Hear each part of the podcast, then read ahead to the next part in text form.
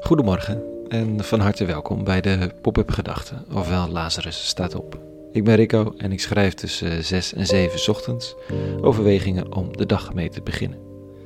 Het zijn persoonlijke gedachte-experimenten en reflectieoefeningen. Vandaag met de titel De afwezige God. Pop-up Gedachten donderdag 27 augustus 2020.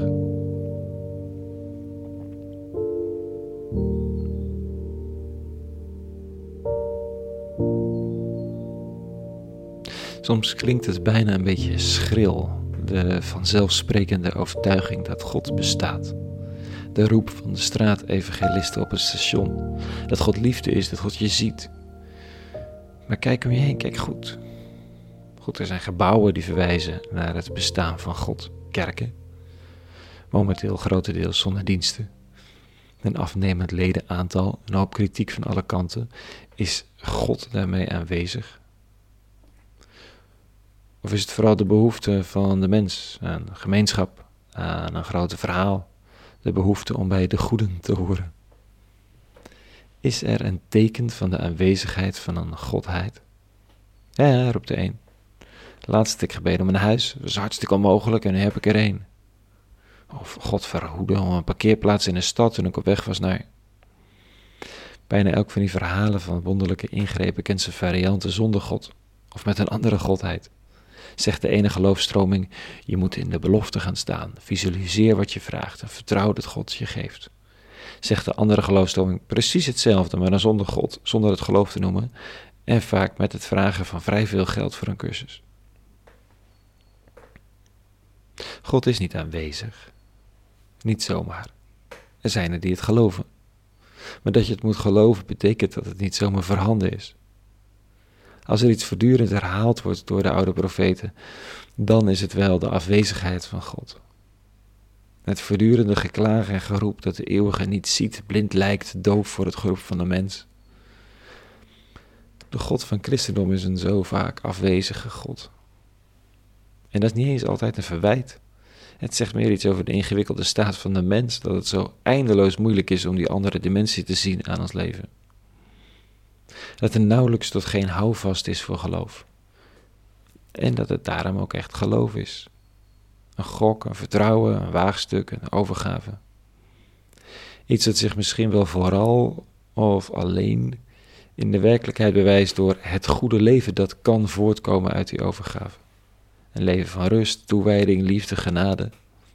Alsof die gelovige soms een anker heeft gevonden in de werkelijkheid, een vrijheid die uniek is, die mooi is, die doorklinkt in de speeches van Martin Luther King en in zoveel anderen.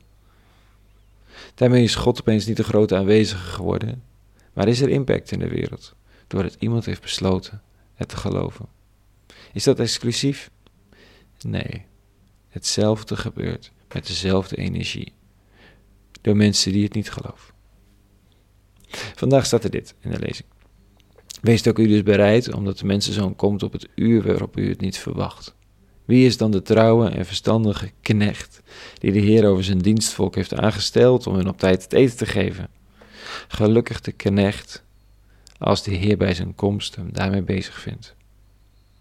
Voorwaar ik zeg u, hij zal hem aanstellen over alles wat hij bezit. De komst van de mensenzoon, hoe dat allemaal werkt, is theologisch een ingewikkeld gebeuren. Maar een punt is duidelijk: er is sprake van een aanwezigheid. Anders is een komst natuurlijk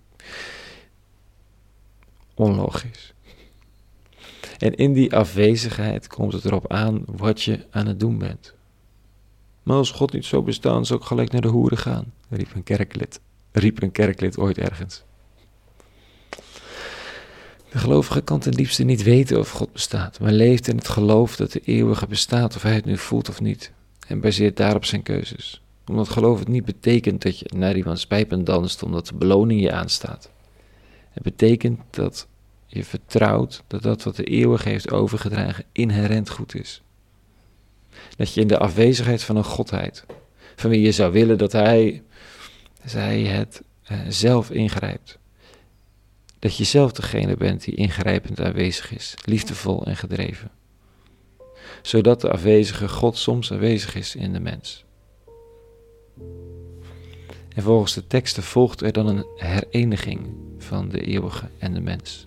Soms is dat even voelbaar, of je nu gelovig bent of niet. Het verdwijnt ook zomaar weer. En dan komt het weer aan op trouw, overgave, geloof, hoop, liefde. Die dingen. Tot zover vanochtend. Een hele goede donderdag gewenst en vrede. En alle goeds.